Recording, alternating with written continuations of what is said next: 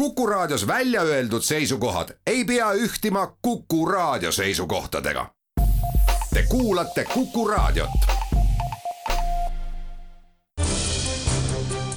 lobjakas versus Vooglaid tervist, head Kuku raadio kuulajad, alustame järjekordse episoodiga saatesarjast Lobjakas versus Vooglaid. mina olen Varro Vooglaid ja koos minuga stuudios nagu ikka Ahto Lobjakas, tere Ahto. Tere Varro, tere kuulajad.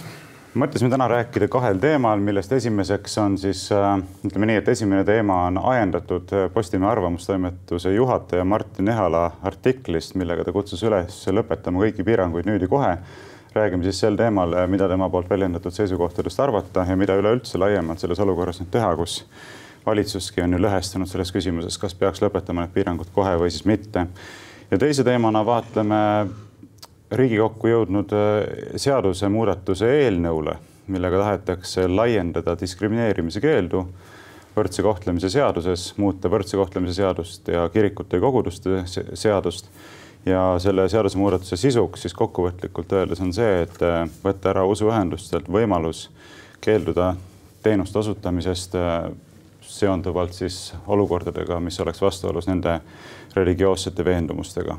juhul kui jutt käib teenustest, mis on suunatud väljapoole kogudust, noh, selline lühikokkuvõte. et vaatame, mida sellest siis arvata.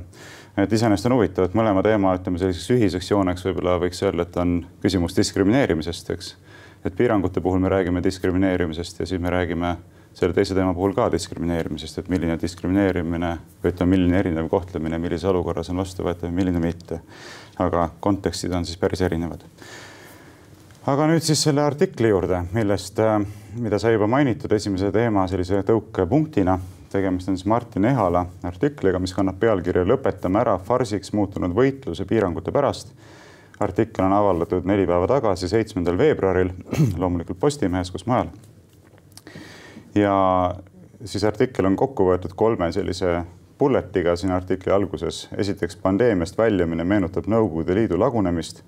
Teiseks, koroonapiirangute režiim on loodud hirmuõhkkonnas ja kolmandaks, Leedu on juba kaotanud vaktsiinipassi, kuigi neil on kõrgem suremus ja võib-olla omapoolse sissejuhatusena ma ütlen veel seda, et ma vaatasin ka eile õhtul osaliselt ja teise osana täna hommikul ära selle debati, mis peeti siinsamas stuudios, jah, eile sellesama Martin Ehala ja teise Postimehe töötaja Marek Strandbergi vahel, kus tegelikult paljuski vaadeldi neid samu küsimusi.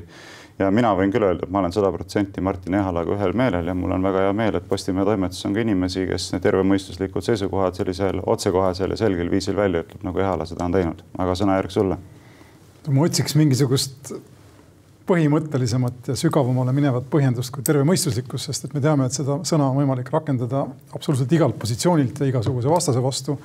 ja ta on kaotanud igasuguse jõu, kui võib öelda niimoodi meie ühiskondlikus debatis. Mis puudutab selle asja sisu muidugi, siis ma ei ole päris kindel, miks me räägime siin Martin Ehalast või miks me räägime Postimehe arvamustoimetusest, mis on üks suhteliselt pime nurk meie üha vähem valgustatud ajastul toob välja vaikselt seda pimedust, eks tõi möödunud nädalal seda välja mit, päris mitmel moel.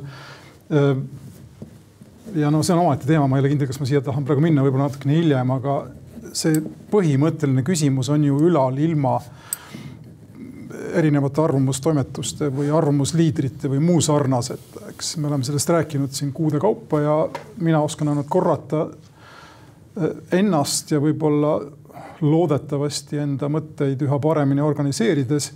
ma ütleksin, et küsimus sellest, no nendest meetmetest, piirangutest, eks taandub või noh, teil on võimalik, ütleme siis kolmel viisil õigustada, üks on eriolukord, mida meil on siin proovitud ja noh, mis on ausalt öeldes nüüd vanaks jäänud, eks me. sisuliselt vältab siiamaani muidugi. ja me ei saa elada ju, ühesõnaga ma usun, et me kõik me oleme nõus sellega, et mingil, et eriolukorral peab olema mõistlik kestvus, vastasel juhul me jäämegi elama eriolukorda ja meie lapsed elavad eriolukorras ja nii edasi.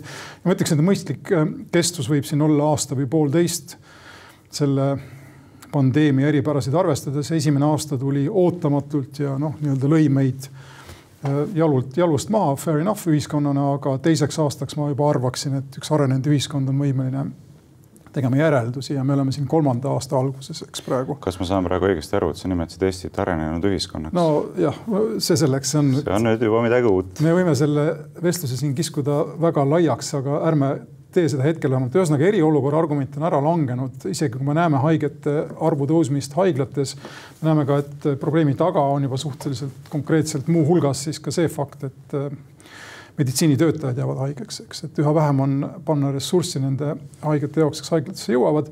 Äh, ja ülejäänud kaks põhjust siis jaotuvad hästi selgelt küsimuseks, kas inimene, inimese vaktsineerimine on nii-öelda suurema hüve nimel või tuleb inimesel vaktsineerida ennast suurema hüve nimel ehk siis ühiskonna ja teiste jaoks. ja siin on olemas täiesti noh, ütleme siis mitte ainult filosoofiliselt, vaid, vaid ka praktikas, ühiskondlikus arutelus aktsepteeritud selline hall ala, eks, kus algab ühiskonna, kus lõpeb inimese õigus iseenda üle otsustada ja kus algab siis ühiskonna äh, vastutus ühiskonna ees ja noh, see on keeruline teema kolmas variant on äh, muidugi nüüd veel nagu selles mõttes konkreetsem, kolmas variant on, et ühiskond kirjutab inimesele ette või riik kirjutab inimesele ette, kuidas ta oma tervise ja heaolu eest peab, eest peab hea seisma ja noh, ütleme niimoodi, et see argument, kui me jõuame argumendini, et meil tuleb ennast vaktsineerida sellepärast, et see meile on hea, siis äh, iga liberaal peab sellest keelduma ja liberaali ma mõtlen siin väikse tähega, inimesed kõik, kes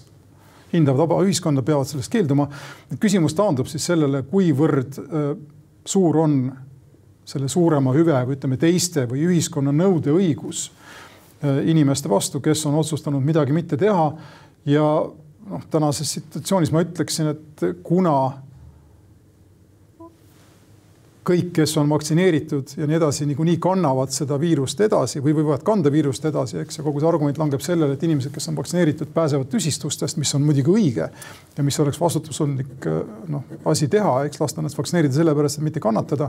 aga see argument ei ole piisav selleks, et piirata siis vaktsineerimata, end mitte vaktsineerivate inimeste jaoks ligipääsu avalikule ruumile, ma kordan ennast siin, ma tean, aga ütleme niimoodi, et siis ühiskondlik hüve minu vaatepunktist vähemalt ei, ei ole siin piisav ja tegemist on asjadega nagu suitsetamine ja ma ei tea, rasvade liigtarbimine ja muu sarnane, kus ühiskondlik hüve ei tule tegelikult argumendina arvesse, ei tohiks tulla arvesse, sest et vastasel juhul me võtame ära inimeselt tema autonoomia ja vabas ühiskonnas inimesel kõige suurem väärtus on tema autonoomia ja muuseas, siin on terve komplekt huvitavaid küsimusi, mis põimuvad ka nende saadetega, millele eelnevalt sai siin juba viidatud, või õigemini ühe konkreetse saatega. nimelt siis see debatt, mis siinsamas stuudios leidis aset eile Martin Ehala ja Marek Strandbergi vahel. ma ei tea, kas sa oled seda näinud või ei ole? ma üritan minimeerida igal juhul ma soovitan vaadata, et kõik, kõigil teistel ka, et kes satub seda saadet vaatama, pole seda debatti vaadanud, siis kindlasti vaadake, minu meelest on esiteks väga tervistatav see, et ühe ajakirjandusväljaande raames kaks toimetuse liiget, kellel on erinevad arvamused, tulevad kaamera ette ja vaidlevad omavahel need küsimused selgeks. väga tervistav, kui tihti me oleme sellist asja näinud Eesti meediamaastikul, väga harva. me pole üldse eriti näinud selliseid debatte, kus on maailmavaateliselt selged äh, erimeelsused põhimõttelisel tasandil, väga harva.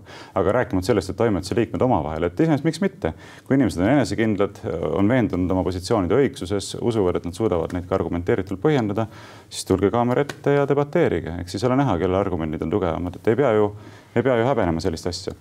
aga vaatasin seda debatti äh, siis äh, nagu öeldud, natuke eile õhtul, natuke täna hommikul. ja üks asi, mis mulle eriliselt kõlama jäi sealt, oli see, et Marek Strandberg õigustas piirangute jätkamist ja ennekõike seda vaktsiinipasside süsteemi jätkamist sellega, et meil on solidaarne sotsiaalkindlustussüsteem ja meil on solidaarne meditsiinisüsteem. ja selle tõttu kõik inimesed on kohustatud näitama üles solidaarsust selle kaudu, et nad siis peaksid ennast vaktsineerima või siis mitte osalema avalikus elus. no ma nüüd natukene. aga siin on ju seesama uks avaneb kohe, te peate tervislikult toituma, ei tohi suitsu teha, ei tohi alkoholi tarbida kogu teie elu jõuda. peab olema orienteeritud sellele, et te ühiskonnale halba ei tee. sinna ma tahtsingi jõuda, sinna ma tahtsingi jõuda sinu eelnevast ükski, kommentaarist. ükski, ükski liberaal ei saa sellist juttu aktsepteerida. sest et miks me vaatame seda küsimust sellisel juhul ainult koroonaviiruse seisukohast, eks. Ja ma tahaksin ka küsida näiteks samast Strandbergi käest, et kui tihti näiteks teie teete sporti, kui tihti te jooksmas käite, suusatamas käite, kui palju te panete rõhku tervislikule toitumisele, ega te alkoholiga ei äh, patusta liigselt, ega te suit, ei suitseta näiteks, eks. siin on terve komplekt küsimusi. kas te magate öösel piisavalt? piisavalt, jah kas teie väsimusaste ei ole liiga kõrge, kas te autoga ei kihuta?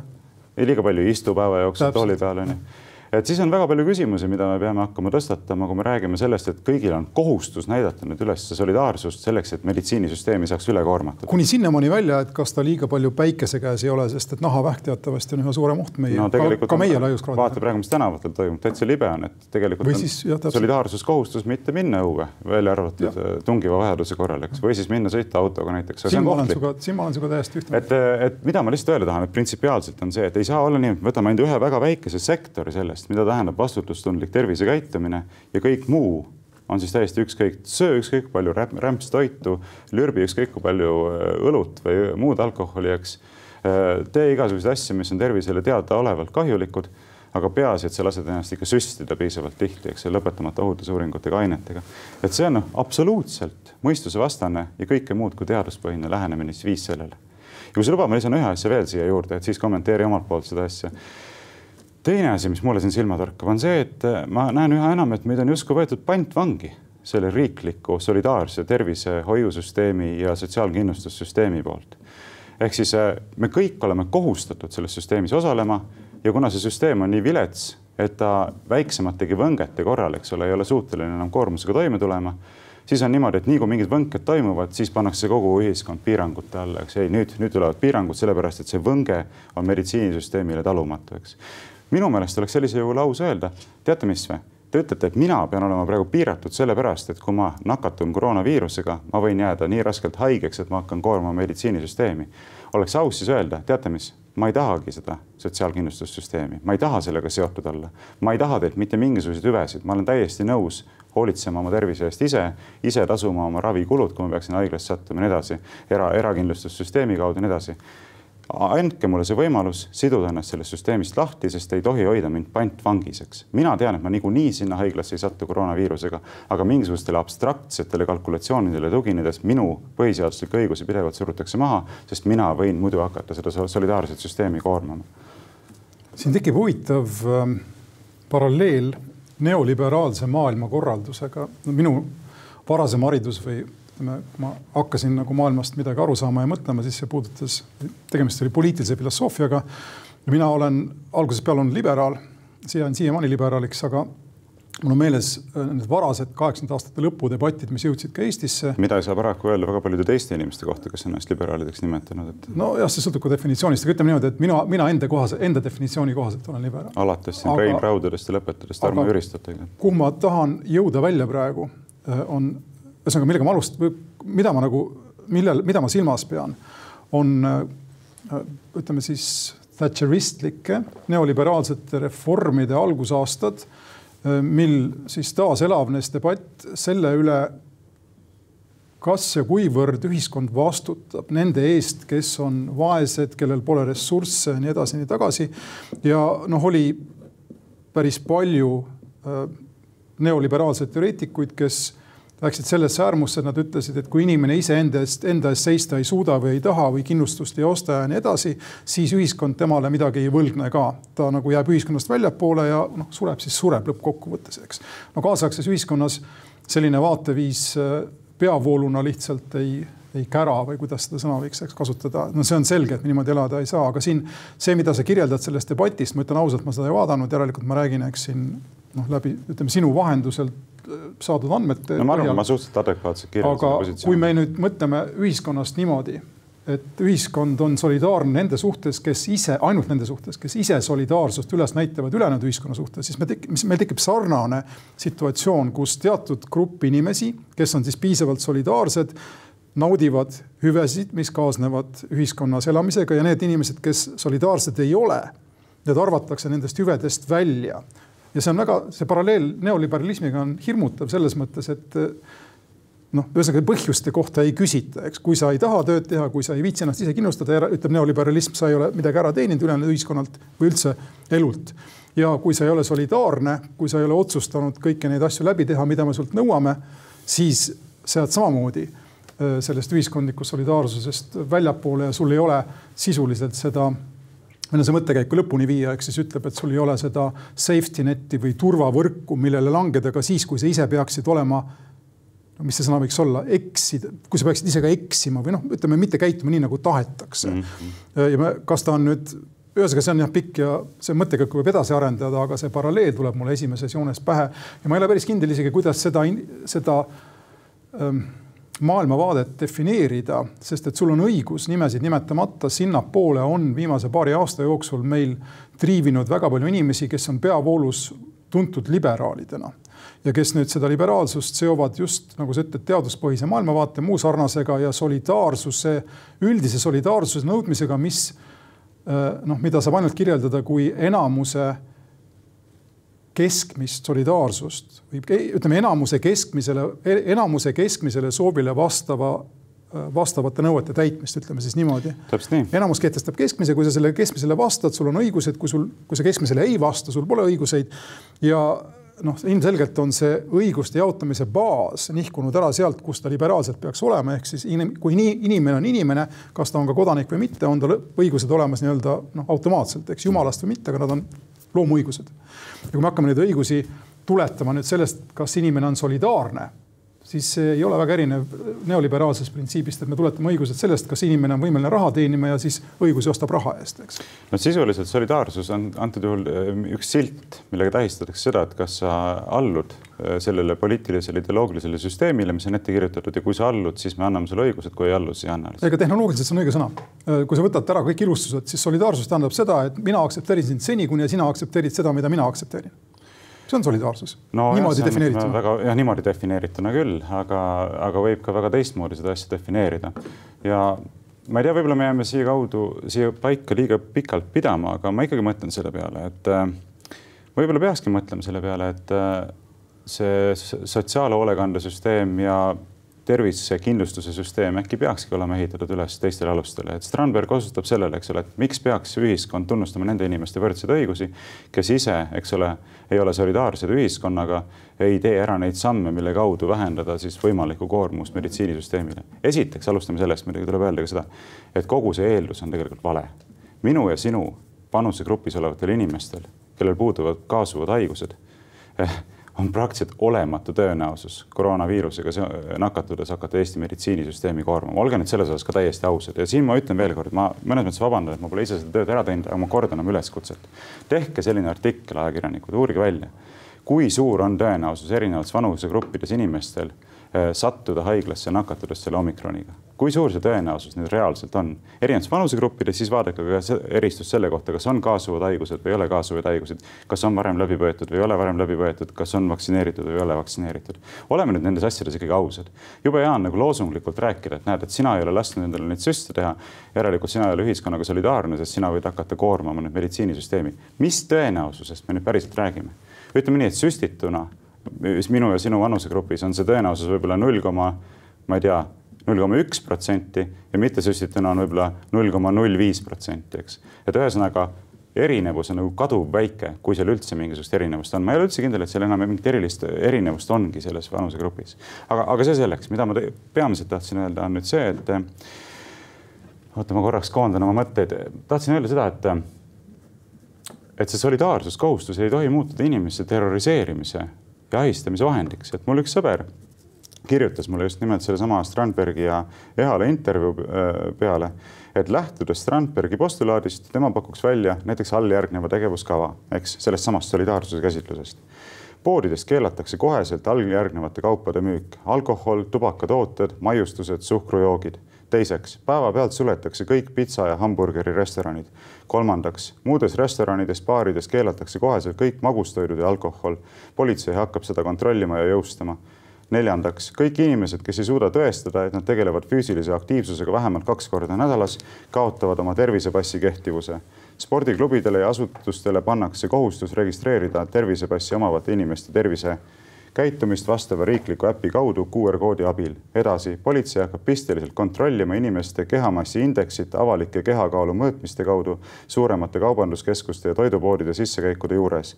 edasi, Coca-Cola ja teiste suhkrujookide maaletoomine, müük okay, vahendamine. ma saan sellest pointist aru, aga siin okei okay,, siit tuleb, üsna lihtne on nüüd seda selle peale öelda, mis on sellise maailmavaate alused või kuidas seda iseloomustada, see on totalitaarne nännistate ja totali totalitarism äh, on siin selline argitotalitarism, eks mitte mingist ideoloogiast tulenev, vaid lihtsalt sellest tulenev, mida inimene arvab reeglina mitteteadlased arvavad selle kohta, mida teadlased võiksid arvata, et on hea inimesele. sellele see baseerub, eks, ja kahjuks jah, meie, ma ütleks, et liberaalid on siin ainult libisenud, siin on libisemas väga palju ka teisi ideoloogiaid, sõltuvalt eks konkreetsest probleemist ja nii edasi. aga selle, äh, selle probleemiga tänane ühiskond võitleb, eks. et äh, me, mida rohkem me riiki usaldame või riigist sõltume, seda rohkem on inimesi, kes, inimesi, kes ütlevad, et riik teab paremini ja tal on õigus meile ette kirjutada jah, aga kogu asi algab sellest pihta, et minule surutakse peale see riiklik mm. turvavõrk, mida ja, ma võib-olla ei tahagi. ma ei taha ära..., mul ei ole vaja sinu turvavõrku, olgem ausad, see meditsiinisüsteem on niigi suhteliselt vilets. ja siin me jõuame põhimõtteliselt. päriselt on abi vaja, sa ei saa seda. ma olen sinuga üldiselt nõus, aga siin me jõuame põhimõttelisema küsimuseni. ma arvan, kui see, mida sa siin, ütleme, mida me siin praegu arutame või see, mida sa kirjeldad, kui sulle midagi peale surutakse, siis mis sult ära võetakse või mida riivatakse, on sinu autonoomia, eks. samas ja nüüd sellel mündil on teine pool. kui sa noh kui me elaksime kõik sellises päris libertaarses maailmakorralduses, millest me siin ka oleme rääkinud ja mida see aeg-ajalt tundub mulle päris nagu toetavat või lausa, lausa tahtvat. igaüks on iseenda eest väljas nende, nende jõududega või võimetega, mis tal olemas on, eks. siis noh, ma kujutan ette, et ei ole eriti keeruline ju visualiseerida selliste gruppide või inimeste teket, kes langevad väljapoole ühiskonda noh, ütleme viisil, mis, kus nad hakkavad iseenda eest otsuseid langetama, mis mis, mis ei ole enam kooskõlas võib-olla ühiselu kui sellise printsiipidega, ehk siis mingil määral tuleb sul seda solidaarsust hoida selle eest ka head seista, eks, et inimestel üldse oleks võimalik ühiskonnas elada, meil on sihuke Hobbesi probleem, me lõpetame või jõuame kiiresti, jõuaksime kiiresti mingisse loomu loomulikku ühiskonda, mis on halb koht, kus inimese elu on nõrk, kole ja nii edasi, nagu ütles Thomas Hobbes, eks, ja noh, teatud autoriteet, teatud solidaarsus nagu ühiskonnaelu eeldusena on vajalik, vastasel juhul lindpärid tulevad ja teevad seda, mida tahavad meiega ja mõnel on võime neile vastu seista, aga mõnel ei ole. aga selleks meil ongi politsei, et me kõik ei peaks vastu seisma, eks. ühesõnaga solidaarsuse aspekt on tegelikult sisse ehitatud igale poole ja sellest päriselt loobuda ei saa, aga ta peab olema mõistlikkuse piires ja arvestama sellega, et inimene ikkagi on esmajoones indiviid ja tal on autonoomia. ühesõnaga ma rõhutan seda sama vaadet, eks, et kui sa oled, kui sa ütled, et tervishoid lasta võib-olla mitte solidaarsuspõhiseks, siis kujuta ette, kui lasta politsei mitte solidaarsuspõhiseks ja nii edasi, mis ühiskonnast järgi jääks sellel mündil on teine pool. kindlasti on seal teine pool, aga siin peab olema hästi ettevaatlik, et siin mitte selle asjaga vinti üle keerata, sest praegu me elame ühiskonnas, kus see vint on julmalt üle keeratud. ei, küsimus ongi, et põhimõtetele kindlaks jääda. esimene põhimõte on see, et inimene igal mõistlikul võimalusel otsustab ise selle üle, mis ta teeb või mis ta ei tee. see on meie ühiskonna eksistentsi mõte, eks, kui me selle mõtte nagu maha matame ja sellise absurdse solidaarsuse alla matame, siis ühiskond on teis, teise äärmusse läinud, eks. absoluutselt. ma ütlen riskides teatud mõttes nii sind kui ennast korrata, ma ikkagi nagu ühte aspekti siiski rõhutaksin veel, et millest me tegelikult räägime. me räägime ju sellest, et me oleme minetanud arusaamise sellest, et niisugune tervisekindlustussüsteem, nagu meil eksisteerib, ei ole ainumõeldav asi et me ka ühiskondlikes aruteludes peame endale arvatavasti aeg-ajalt seda meelde tuletama, et me ei saa hakata neid asju käsitlema aktsioomina, näiteks see, et mina pean maksma kolmkümmend kolm protsenti, eks ole, seda sotsiaalkindlustusmaksu ja olema seotud selle tervishoiusüsteemiga. aga mina ütleksin vastupidi, tähendab mina ütleksin ka niipidi. meil tuleb siin nüüd mingi vint vindi peale. tegelikult aga võiks olla võimalus vaidleks... valida, et ma ei taha selle süsteemiga seotud olla. jah, aga mina vaidleks sulle vastu selles mõttes, mitte otseselt isegi vastu, aga Mind mina, mina ütleksin, et nagu vanaduspensioniga iga inimene kes on saanud, ütleme kuuekümne aastaseks, saab Eestis vanaduspensioni, saab üldiselt arenenud maailmas vanaduspensioni, eks. sellele võib lisanduda mingi staaž ja nii edasi, sellest tuleneb, mis sa varem tegid. ma ei tea, kui sa olid Euroopa Komisjoni volinik, sa saad kümme tuhat kuus, eks, aga igaüks saab kätte mingi nelisada või mis iganes see meil täna on rahvapension. rahvapensioni printsiipis ometi ei sea ju küsimärgi alla. sead. absoluutselt, ma ei taha olla mingi, ma ei taha mingit pensioni saada, aga ma ei taha maksta ka seda maksu. vana inimene, kellel ei ole perekonda mis ta teeb, kui tal üldse mingit sissetulekut kogub endale elu jooksul raha. aga täpselt, no sa oled siin nagu neoliberaal, eks. No.. aga kui ta ei, puhtalt see fakt, et ta on ühiskonnas elanud ja noh, minu pärast töötanud või mitte töötanud, aga olnud selle ühiskonna osa, annab talle õiguse sellelt ühiskonnalt nõuda raha. elementaarset äraelamist. Ja siia kuulub vanaduspension rahvapensioni näol okei okay,, siin me läheme täiesti lahku. aga, aga tõepoolest. ma, siin ma arvan, et sa ei saa aru sellest noh, stabiilsusest, mida aga... üks ühiskond vajab ja milleks on vajalik iga tema liikme tunne, et vähemalt tema põhivajadused on kaetud. niipea kui need katmata jätta, hakkab inimene iseenda eest seisma ja kord kaob. aga. sinu põhivajadus ongi vaestemaja supiköök selles mõttes, et kujutad nüüd ette, et on Ei, kaks, ka- võtame kaks inimest. Ei, aga sa tahad üks inimene on elu läbi olnud tubli, teinud tööd, hoolitsenud oma tervise eest, saanud lapsi, ohverdanud väga palju oma ajast sinna. Ma saan aru. ja teine on, eks ole, elu läbi elanud iseendal, on paras mölakas ja nüüd ütleb, et ma olen pensionär, hakake mulle maksma. Varro, aga teisisõnu sa ütled seda, et ükskõik mis põhjustel valesid või mis iganes vääraid otsuseid teinud inimene, kui ta on, ütleme, kuuekümne viie aasta seis, oma otsuste tagajärgede eest ise vastutama. täpselt seitse, seitsmekümne aastane, aga sa ütled ju sisuliselt seda, et kui tal raha ei ole, siis ta ei saa enam vabalt valida, sest et raha on tema vaba valiku alus meie ühiskonnas No kahjuks järelikult sa oled ju teatud mõttes, teatud mõttes väga räigelt neoliberaalne selles suhtumises, eks mina olen see inimene, kes üritab praegu öelda, et solidaarsus peab tähendama seda, et nõrgemate eest kantakse hoolt sõltumata sellest, mida nad väärt on või ei ole, rahas või milleski muus. no minu probleem on lihtsalt see, et see sellele, sellisele solidaarsuse käsitlusele rajatud süsteem mõjutab, muutub inimeste vabaduse lämmatamise vahendiks. aga minu, minu loogikast ei lähtu see, et ma saaksin nõuda seitsmekümne aastaselt inimeselt, kes on lihtsalt olnud, ma ei tea,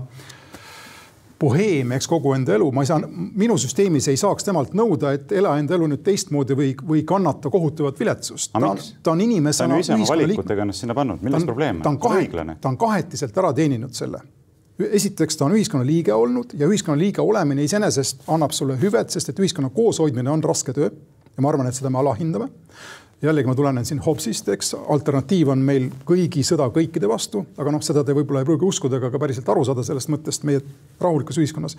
aga teine Aga printsiip, aga teine printsiip on kantiaanlik no,. ajalugu näitab, et on, aga see selleks, kui just see on jälle pikk teema, aga teine printsiip ja see on olu- oluline, on kantiaanne, sa pead kohtlema mitte sina inimesena, vaid ka ühiskond, kus sa elad, peab kohtlema iga inimest, ükskõik milline ta välja näeb, nagu inimest, eks. sõltumata sellest, mis, mis, mis, mis ta teeb või mis ta arvab või äh, mis ta väärt on, on tal inimese nägu ees ja tal on põhiõigused, eks. ja põhiõigused on olla koheldud inimesena ning kuidas me mõõdame seda, kas inimene on koheldud inimesena või mitte.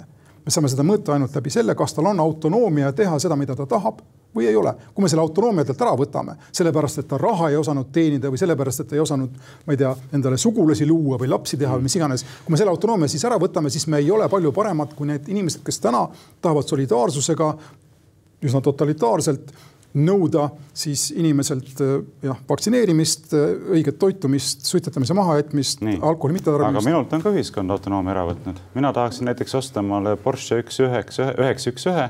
Aga ühiskond Aga ei anna mulle seda, ei anna mulle võimalust aga eneseteostuseks. siin sa lähed lihtsalt sellisele odavale sotsialismi tampimise teele ja no, mina ei ole aga sotsialist. milles printsiip mina räägin baas, ma räägin baasvajadustest, ei ole. aga mis on baasvajadus? ei ole ma ütlesin supiköök ja vaestemaja on baasvajadus. ei, baasvajadused on ka see, et sa saad. kõigi mugavustega sa saad endale, ei, sul on põhimõtteliselt korter, kus sa oled ise peremees ja kus sul on võimalik endale osta mööbel näiteks osta toitu, mis sulle meeldib mõistlikkuse piirides. ma ütleksin, et noh, viissada eurot on nali, aga ütleme, et tuhat viissada eurot oleks tänast, tänases elus minu arvates inimlikkuse piir. ja kui sa ühis, inimesena kogu oma elu ei ole pingutanud selle nimel, et olla selles positsioonis, kus endale neid hüvesid lubada, siis on kogu ühiskonna ülesanne sinule need hüved ja pakkuda. me võime siin seda juttu lõputult rääkida, aga mina näiteks saaksin päris hästi aru inimesest, kes vaatab siin meie, ütleme Euroopa Komisjoni volinikke, kes tulevad tagasi Brüsselist, teenivad kümme tuhat eurot pensioni kuni surmani, eks, ja küsivad, aga kuidas nad on selle tegelikult ära teeninud?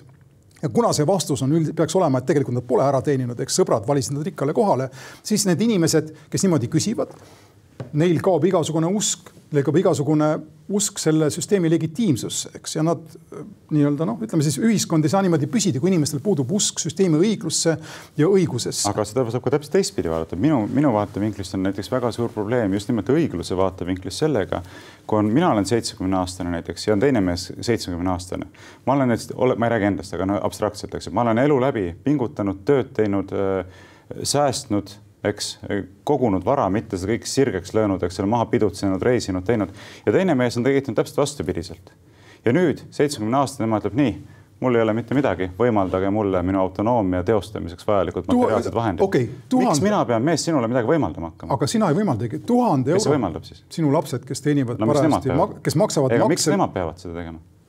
puhtalt sellepärast, et neil on. kas õig... tal on mingi õigus nõuda kelleltki midagi? puhtalt sellepärast, et su lastel on privileeg õigus ja mis iganes veel olla ühiskonnaliige, mis on toimiv. mitte tänu sellele mehele, kes on elu ei, läbi iseendale vastutustundlikult. see mees saab ainult, see naine saab ainult läbi selle printsiibi, et ta on inimene meie seas, ühiskonnaliige, kes on ära teeninud, no ma võtlen lambist jälle umbes tuhande euro eest vabadusvaliku va,. no see on sotsialism, sellega ma ei nõustu. see ei ole sotsialism, see on, kas sa ütled mulle, et Otto von Bismarck oli sotsialist, ei olnud, tema oli esimene, kes oli.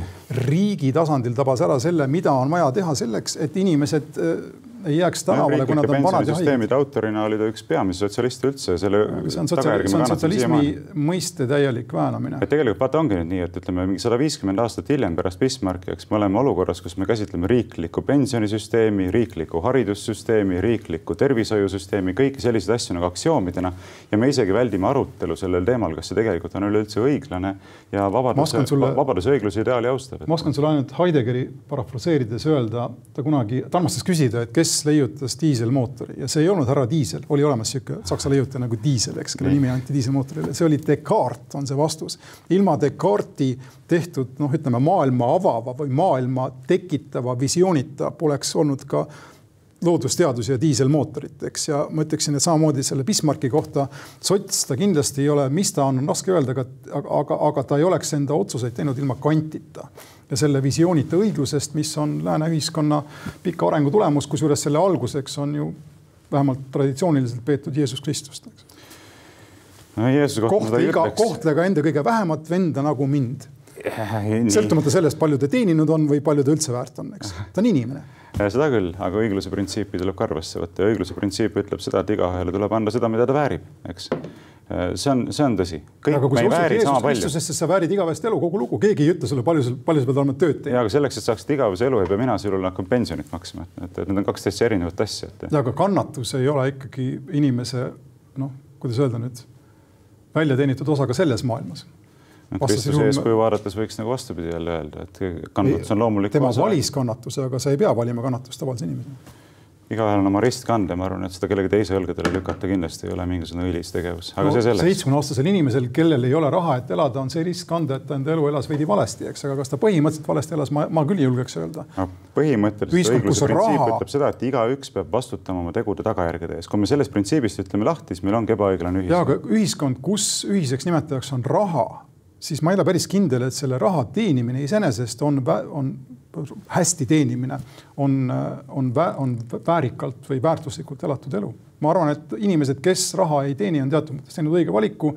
selleks, et elada hiljem teiste inimeste kulul. jah, nad on märtrid veel ei ole enam mitte ainult arutelu saada, vaid ka huumorisaade see oli hästi öeldud okei okay,, ma arvan, et me saame sellest veel rääkida küll ja küll, sest siin on aruteluks ainet ilmselt rohkem kui küllalt. aga ma tean, et me peaksime tegelikult minema teise, teise teema juurde, aga ma tahaksin ühte asja veel korraks öelda. ma vaatasin täna hommikul veel just saadet ette valmistades, mul oleks kahju, ma sellest ei räägi, sest ma võtsin aega, et seda saadet vaadata. eile Esimeses stuudios oli intervjuu Mariann Härmaga, kes on Terviseameti juht, eks. ja seal oli väga huvitav olukord, et Mirko Ojakivi küsis tema käest, et kas meil tegelikult riigina üleüldse on nagu teaduslikke kindlaid andmeid selle kohta, milline oleks meil see olukord seonduvalt siin selle omikroni tüve levikuga, kui meil ei oleks piiranguid. ja Marianne Härma vastas, et ei, meil tegelikult selliseid andmeid ei ole. et siis Mirko Aja küsis, aga kas me siis lihtsalt usume, et piirangutest on kasu, sest jah, põhimõtteliselt seda baseerub usule. nii et kui meile nüüd räägitakse, et usume teadust, usaldame teadust, siis ma ütlen siinsamas stuudios jällegi sel nädalal oli Irja Lutsar, kes ütles niimoodi, Toomas Kask oli saatejuht, et mina ei tea enam, mis eesmärki see vaktsiinipasside süsteem teenib, et teaduslik see kindlasti ei ole.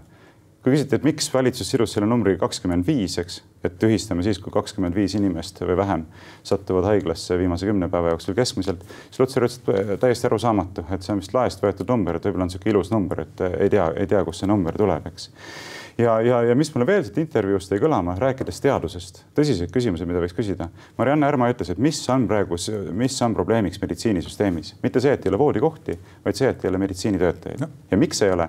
ta ütles, et eelmisel sügisel, kui on veel mitte kedagi vaktsineeritud, tuletame meelde, oli sellel haiglate koormuse kõrgperioodil nakatunud umbes kakssada meditsiinitöötajat.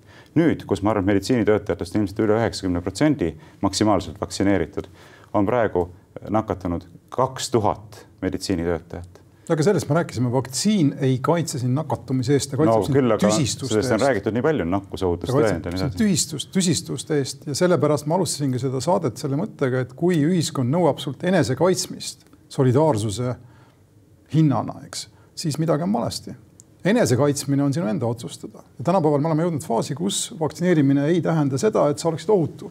järelikult kõik piirangud, mis seonduvad vaktsineerimata olemisega, peaksid kaduma, see on selge, ma arvan, et see on mitte teaduslikult selge, sest et ma kordan veel, mina pole teadlane, eks. aga ma ei näe ei eriolukorda ega ka põhimõttelist õigustust sellele, et inimeste põhiõigusi, põhivabadusi no piirata. see on selge toetus sellele, millest me alustasime Jah, saadet. aga sa ei pea olema tead-, ütleme niimoodi, et sa ei pea olema teadlane, rääkimata isegi raketiteadlane. piisab tervest mõistusest. ei, mitte ka tervest mõistusest, see on, ma ei ole kindel, kas see, terve mõistus on niivõrd ära lörtsitud sõna, sõnapaar, et ma ei kasutaks seda. no see on sihuke, ütleme nii, et inime, igale inimesele kättesaadav elementaarne no arusaamine doktor reaalsusest, ilma et sul oleks dok- eriteadmisi vaja. doktor Vahtre näiteks tuletas sellest, ma nägin se- sel muuseas, nädalal palju õnne Lauri Vahtrele, Postimees valis ta aasta see arvamusliidriks. pimeduse, pimeduse nurk, mis on Postimehe arvamustunnetusega. aga ei, ta tuletas terves mõistuses selle mõtte, eks, et neeger tähendab eesti keeles head ja kordagi ei vaevunud ta mõtlema küsimuse või tõsiasjale, et see on laensõna, eks, et on laenatud siin saja viiekümne aasta eest hoopis teise, teise keskkonda. tähendab igasuguse kriitikavabaduseta tehtud terve, opereeritud terve mõistus on üks hullemaid asju üldse, mis meid tabada võib, kui sa vaatad korra Vaht- doktor Vahtrit, eks. no jään lugupidavalt arv, eriarvamusele mind või teda, teda lugupidavalt. mõlemad, mõlema, mõlema suhtes lugupidavalt jään sinuga eriarvamusele. Aga jah, ma arvan, peame minema teise teema juurde, aga, aga see küsimus võiks küll õhku jääda, et kui praegu see niinimetatud teadusnõukoja juht ütleb, et ei tohi mingil juhul piiranguid lõpetada. eelmine teadusnõukoja juht ütleb, et ta ei saa üldse aru, mis eesmärki need piirangud enam täidavad, siis me peaksime küsima, et kuulge, meil on vist mingisugune tõsisem küsimus vaja püstitada No sa- selle kohta, mis tähendab üldse usalda teadust usalda see, teadlasi. täpselt, aga see oli ju karjuvalt ilmne juba siis, kui üks teadusnõukogu asendati teisega, eks. Printsiibiks tundus olevat. selline, mis räägib õiget juttu. no täpselt, aga avalikuks õigustuseks praktiliselt oligi ju, et, et esimene kommunikeeris valesti, eks. rääkis vale juttu tegelikult. põhimõtteliselt interpreteeris teadust teistmoodi, kui oli vaja parajasti valitsusel, valiti nüüd parem teadusnõukogu, mis interpreteerib teadust paremini. ja selle kõige taustaks on muidugi see, et ega valitsus ei tea sellest teadusest, mida interpreteeritakse ju tegelikult mitte midagi, eks. ta tahab, et sealt tuleks õigeid signaale. no aga see on ju hullumaja tegelikult nii välja, ma tean, et me peaksime minema teise teema juurde, aga mõtle, milline absurd. Aga see on igal pool sama. peaminister valib endale sellise teadusnõukoja juhi ja teadusnõukoja, mis räägiks seda juttu, mida ta kuulda tahab. mis teadusnõukoda Varro, näiteks kui sa oleksid vaadanud nii kaua kui mina ja muidugi paljud teised inimesed, Briti sitcom'e, mis on tehtud poliitikast ja valitsusest, eks sa teaksid, et see on vähemalt viiskümmend aastat vana probleem ja tõenäoliselt noh, tegelikult palju vanem enne, enne veel, kui tehti naljakaid tele, telekomöödiaid sellest. aga see tuleb ausalt välja öelda, noh. aga nii ongi, kõik peaksid ütlema see ausalt välja, et see on naeruväärne. nii ongi, aga, aga see Humphrey App- Appleby on kõik ära öelnud, mida me mõelda oskame ja palju naljakamalt. no nii on. aga lähme teise teema juurde, nii palju, kui meil selleks veel aega on. lobjakas versus Vooglaid ja vastavalt traditsioonile on teine teema jäänud vaeslapse ossa. traditsioonid on olulised, neid ei saa ignoreerida. usun, et nõustume. saatel on pikk jalg ja lühike jalg. pikk jalg ja lühike jalg, täpselt.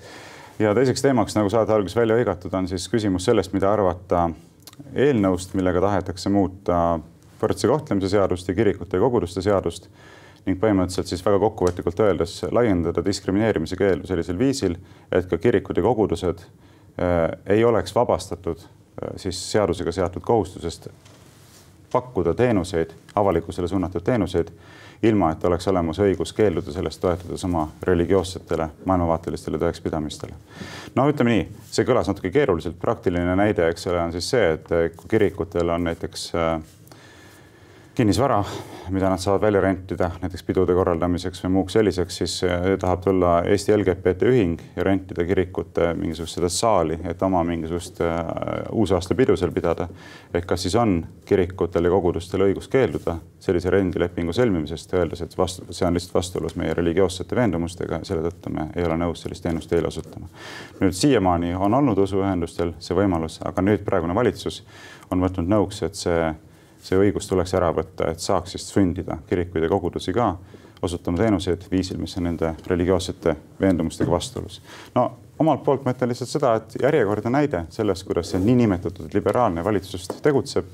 Äh, ikka ja ainult ühes suunas, suruda maha vabadusideaali, suruda maha inimeste õigust otsustada ise oma elu üle, otsustada ise, millistesse tsiviilõiguslikesse suhetesse astuda, millistesse mitte astuda, kuidas oma elu korraldada. ikka ja jälle selline ideoloogilise diktatuuri muster, mis kordub igal pool.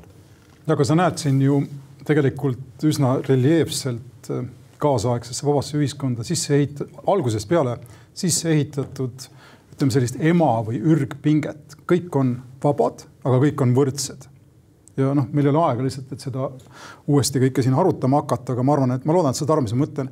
vabadus, kõikide vabadus peab olema millegagi piiratud, vastasel juhul igaüks teeb seda, mida tahab ja ei mõtle üldse, mis juhtub teistele. jah, et ei tohi kätt külge panna teineteisele. ühesõnaga ei tohi ka, ühesõnaga inimene on vaba seni, kuni ta ei riku teise inimeste sarnast vabadust olla vaba, eks midagi sarnast on see printsiip eesti keeles.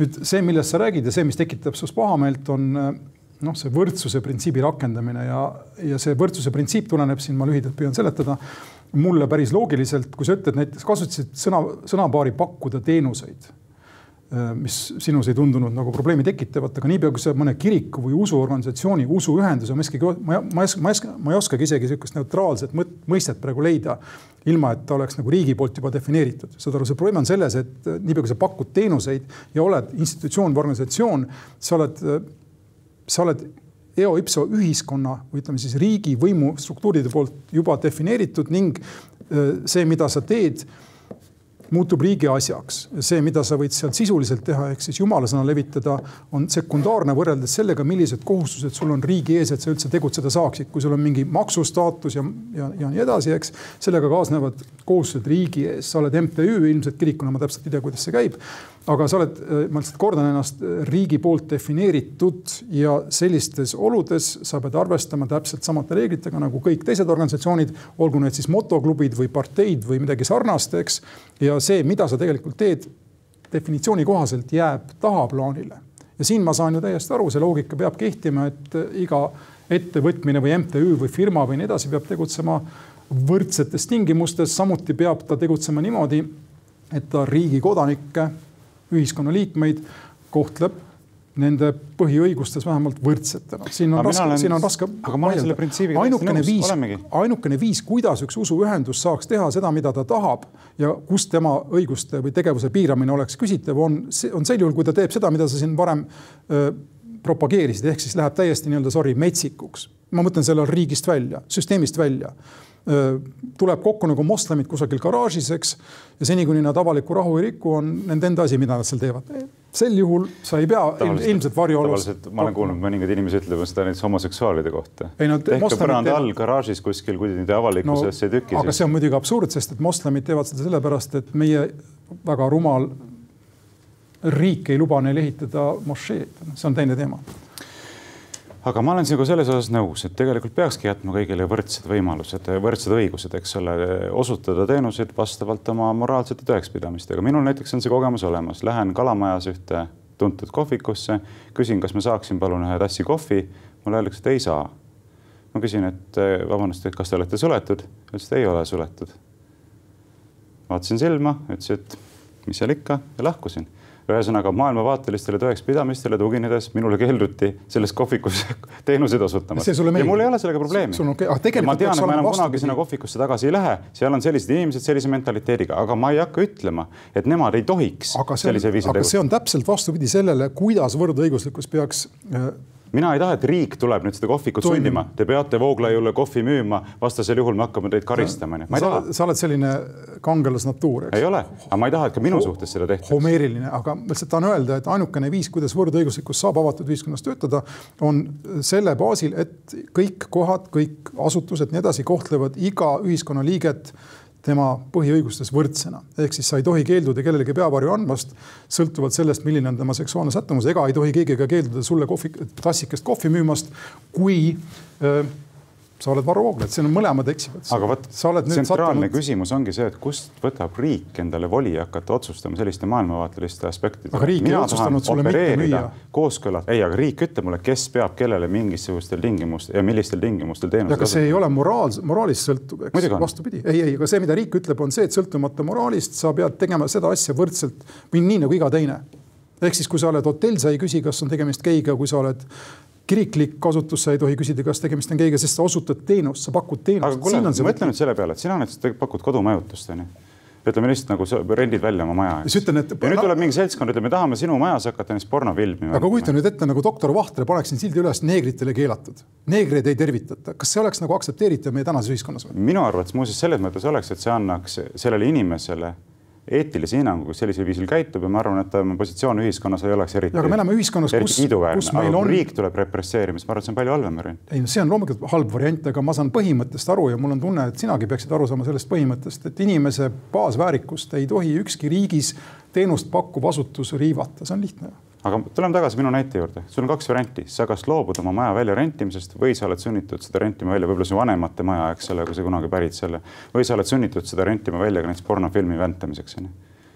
kaks varianti, kui sa ei ole nõus seda andma ilma diskrimineerimata kõigile, siis sa ei tohi seda üldse pakkuda, vastasel juhul hakkab riik sind. ma ei tea, kuidas käib äripindadeks rentimine, sest et päris kindlasti ma võin öelda, et näiteks, et ma ei taha, et siia tuleks tapamaja ja ma päris kindlasti võin öelda, et ma ei taha, et siin toodetaks ohtlikke kemikaale ja nii edasi ja need, see on keerulisem teema, aga kui me räägime inimestele öövarju pakkumisest, siis ma ei näe seda probleemi.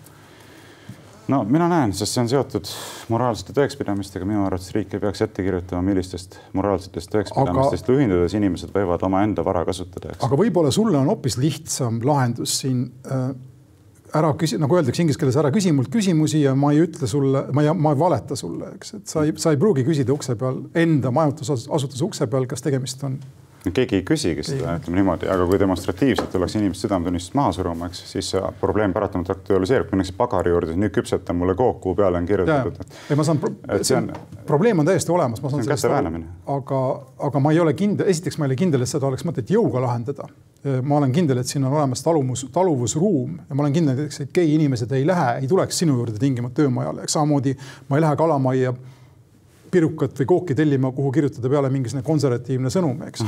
Ehm, aga ma noh, ühesõnaga. elab Martin Helme näiteks. kõik reeglid ei ole tingimata jõustamiseks, ütleme niimoodi, mõistlikus ühiskonnas. tellid F-hoonest omale tordi sõnumiga elagu Martin Helme ja EKRE ja kui no, te mulle seda torti ei tee, siis ma kutsun politseid. ma selle verbi vahetaks ära ja võib-olla isegi telliks selle okei see selleks äh, riskides lihtsalt sellega, et me saame noomida saate ületamisest, ma ütlen ühe lause veel, et minu jaoks kogu selle valitsuse diskrimineerimise vastase võitluse muudab täielikuks farsiks asjaolu, et seesama valitsus on sellises mastaabis sadu tuhandeid inimesi viimase poole aasta jooksul diskrimineerinud, mida ei ole Eesti pinnal mitte kunagi varem nähtud.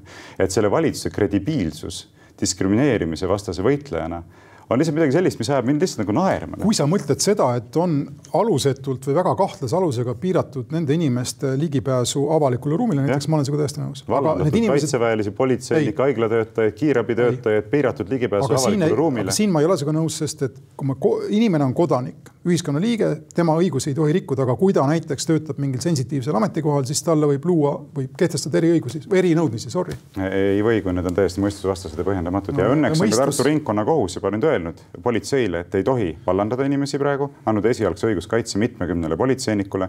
samaaegselt muidugi Elmar Vaher teeb uusi käskkirju, millega öelda, et olgu kolmas süst sisse. mõistus on selline asi, mis oli olemas päris selgelt Immanuel Kantil, aga mis tuleb öelda, oli või on olemas ka näiteks äh, inimsööja Ellotškal Ilfi Petrovi romaanist, kes rääkis neljasaja sõna raames lääne tsivilisatsioonist, eks nagu, na, nagu doktor Vahter. erinevus on selles, et ühel on ta aktuaalselt, teisel on potentsiaalselt, et ei, miks, äh, ratsionaalne mõistus on mõlemal olemas, mõlemad saavad ilmselt minna turule ja äh, ma ei tea, osta endale sobiva hinna eest midagi, eks. Iseasi, kas ta on mõlemal olemas võrdselt või ligilähedaseltki võrdselt, aga nüüd tõmbame otsad kokku, vastasel juhul ma saan noomida, sest mina olen saatejuht, sul on mugav positsioon, sina võid ükskõik kui pikalt üle lasta, kõik tuleb minu kraesse pärast. igal juhul suur tänu teile vaatamast, kuulamast. Äh, kohtumiseni tuleval nädalal. Kuulmiseni. lobjakas versus Vooglaid